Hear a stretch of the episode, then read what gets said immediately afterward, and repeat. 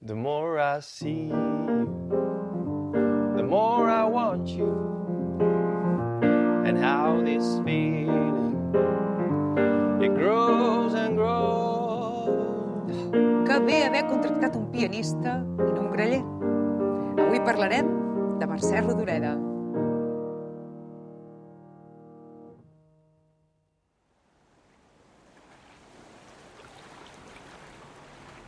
A principis del segle XX, quan Catalunya encara no forma part d'Itàlia ni d'Indonèsia, neix Mercè Rodoreda.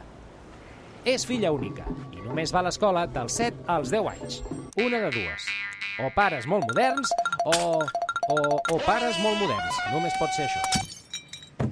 La seva vida va estar molt marcada per tot un seguit de traumes. Un d'ells va ser casar-se als 20 anys amb el seu oncle ric 14 anys més gran que ella. Si ja costa suportar el tiet ric durant un dinar de Nadal, imagineu-vos casar-se amb ell. La literatura apareix com a via d'escapament d'aquest matrimoni. S'entén perfectament. Tota excusa devia ser bona per fugir de casa. Se separa i marxa a l'exili. Un altre trauma. S'instal·la en un castell i manté una relació amb Armando Viols, home casat. Es lia un cristo gros, perquè també hi ha el cunyat d'Armando Viols. El Castell de les Temptacions, literatura i safareig. Cada dimecres a TV3. Decideixen quedar-se a França, en lloc de marxar a Amèrica. Poc després, arriben en tromba els nazis. Sumem un trauma més, menjar-se la Segona Guerra Mundial amb patates. Des de Ginebra presenta la seva novel·la La plaça del diamant amb el nom Colometa al Premi Sant Jordi, però és descartada. Deu ser una novel·leta cursi, va opinar Josep Pla, membre del jurat. La seva obra és extensa, variada i revolucionària. Com us podeu imaginar, les seves obres tendeixen al drama, tot i que coneixent-la una mica... En fi, tampoc mai va destacar en l'art de teixir brodats a les fosques. Però bé, això últim no ho podem assegurar.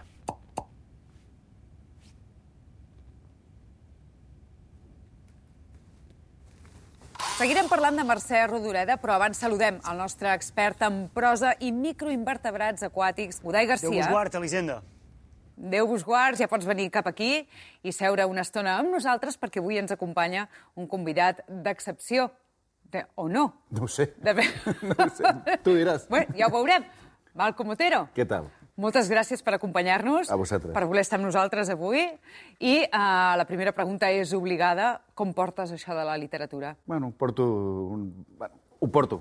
Tu saps que, no vull ser pedant, tu saps que Unamuno deia una frase que és doquiera que uno va, lleva consigo su novela, doncs jo porto moltes, però no són meves, són d'altres persones. Jo manego més aviat el talent dels altres. Com que no en tinc, manego el talent dels altres, literari. Ja podríem plegar, Udai, no sé com ho veus, però jo crec que amb aquesta entrada ja eh, hem tingut la potència i l'energia suficient com per omplir Sí, sí, eh, fantàstic. tota Jo- una edició. Marxem? Uh, si un cas, mira, hi ha gent que ha escrit això, aprofitem-ho, saps? Vull dir que no, no estaria de més.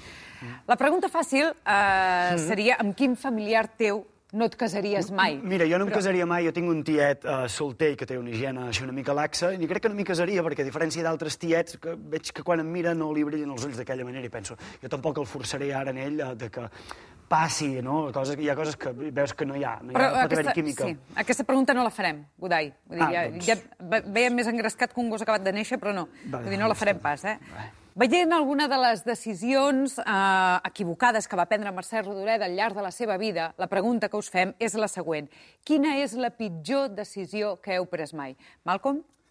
La pitjor decisió que he pres mai... Doncs algunes relectures, ja que avui parlem de literatura, o sigui, la relectura de el Quartet Alexandria, que era una lectura que als 20 anys em va semblar el millor llibre de la història, i als 46 em va semblar un llibre per directament llançar la galleda. Per descomptat, a mi em va passar als 42. És a dir, vaig pensar, això, Elisenda, no t'ho tornes a llegir mai més. Vull dir, jo crec que no, la, les relectures són un error sempre.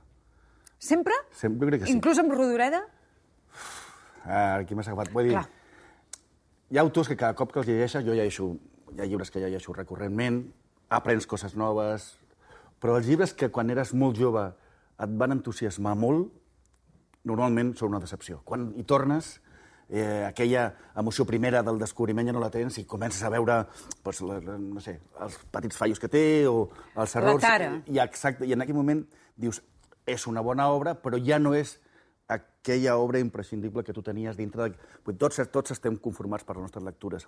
Hi ha llibres que són llibres que ens construeixen. I si el tornes a llegir, ja no és un llibre que et construeix, sinó que ja tens una aproximació intel·lectual i ja no és el mateix. No et passarà mai amb Francisco Ibáñez. Eh, no. Mai a la vida. No falla mai a Mortadelo. Mai de la vida. Godai, Uh, mira, jo...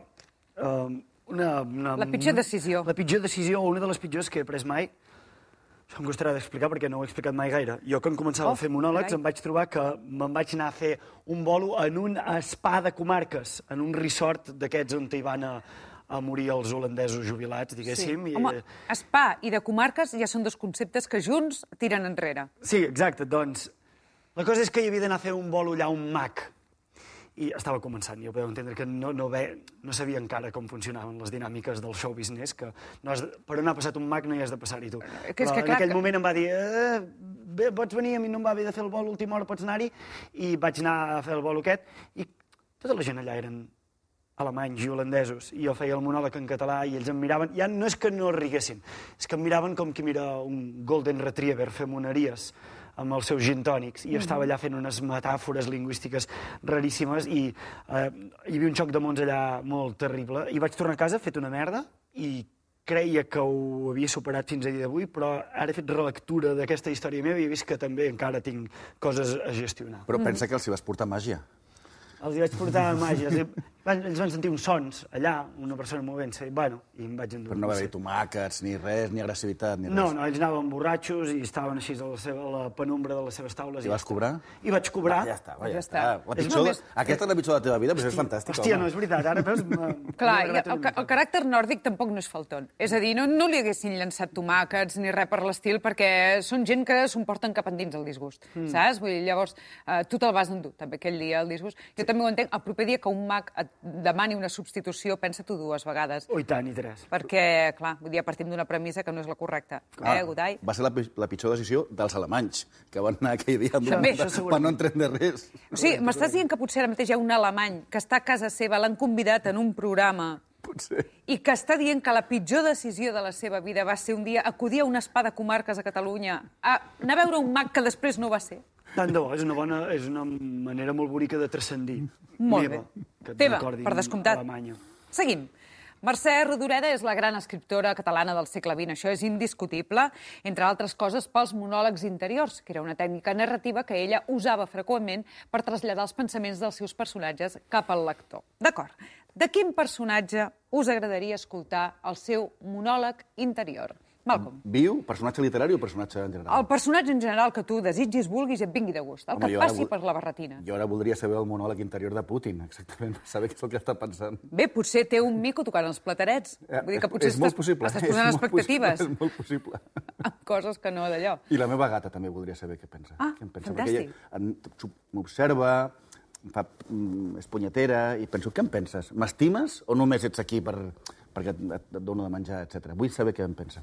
Tractar-se d'un gat, segurament, el millor... El pensament més recurrent és la segona opció. Sí, ja, ja. És estic aquí perquè em donis de Ja, em menjar. temo que sí. Sí, sí, està bé. Udai?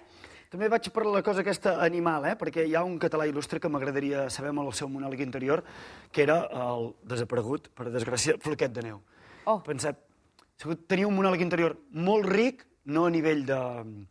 No devia fer servir moltes paraules si ho verbalitzés el que estava dient, però jo crec que el missatge era molt clar. Mm -hmm. Ell estava allà, per exemple, jo recordo que ell havia pres a aixecar el dit del mig i feia un botifarra, feia un fac a la gent que anava passant allà, i devia anar pensant, em tanqueu 30 anys aquí en una gàbia, al costat de pingüins artrítics i lleons amb lismaniosi, i em aneu exposant com una cosa bonica. Doncs, oita, mira, cosa bonica, desgraciat, desgraciat, imbècil, desgraciat. Llavors, passava la canalla, allà se'l miraven i ell es cagava, agafava el, el, el tort a la roja amb la mà i el llançava allà a la canalla, desgraciat. Si passava una persona que trobava que tenia uns trets simiescos una mica... eh, s'excitava, mm -hmm. es masturbava de cara al públic, no hi havia quarta paret per al floquet de neu. No, no, vull dir, vull dir que tirava. tenia un monòleg interior, crec que escuet, però un missatge molt concís. Era bastant bo. Si més no, més bo que els monòlegs de Tony Mook, per exemple. Per descomptat. Això no en posarem cap dubte. Molt bé, nois, doncs moltes gràcies. Fins aquí. A vosaltres. Udai, què farem ara? Doncs mira, ara nosaltres tres farem cicles de sístole i diàstole, cada 50 centèsimes de segon, mentre tu em mires amb, eh, amb una cara de què carai estàs dient, perquè no estàs resolent aquesta secció. Mira, sí, aquesta mateixa cara, vale? i llavors em tallaràs de manera seca però amable, perquè tu ets una persona amable i professional, i llavors tu no vols que això acabi anant d'una La manera... secció, Udai, la secció. La secció. La secció, la secció. La secció, ara plantejaré situacions de la vida d'Anna Mercè Rodoreda i vosaltres m'ho heu de resoldre des del vostre punt de vista. I us diré unes frases i les heu de completar. Val? Això serà una dinàmica de pregunta-resposta tiqui-taca, cosa lleugera. Eduard, eh, música contemporània i lleugera. Un adagio non troppo? No, contemporània i lleugera. I ràpida però no molt. Va, se'ls ha d'explicar tot, aquests músics. Vale. Només vas a l'escola dels 7 fins als 10 anys. Clarament els teus pares són Irresponsables. D'acord. Elisenda, uh, et cases amb el teu tiet, el següent pas que decideixes fer és... Uh, Divorciar-me. Mira, uh, comences la teva carrera professional en un colomar. T'agrada molt perquè... Perquè a tothom li agraden les paparres? Exacte, és això, Elisenda.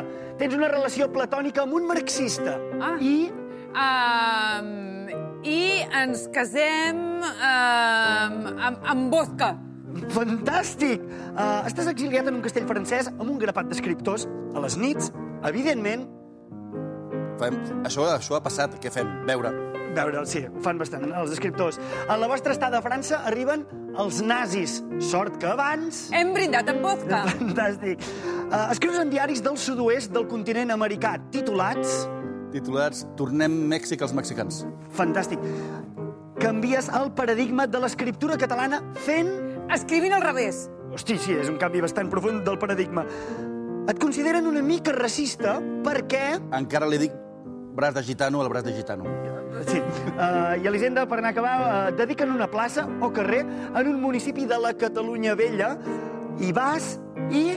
Uh, I ho celebro llançant-me litres de vodka al damunt i després cremant-me uh, A lo bonzo. A lo bonzo. I fins aquí, això que fan Godai.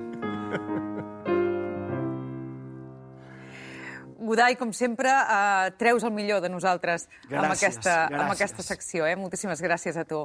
Malcolm, molt agraïts de que ens hagis volgut acompanyar A vosaltres. avui en aquest dia tan bonic. I fins aquí una història de la literatura. Ja ho sabeu, potser no és allò que esperàveu veure, però això ja és una altra història.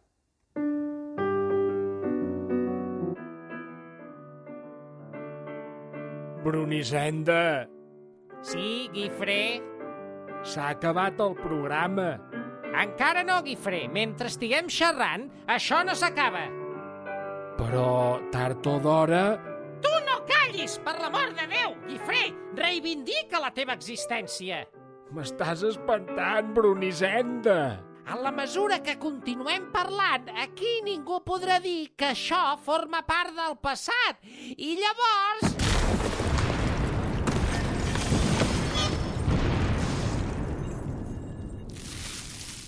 Ara ja no existim?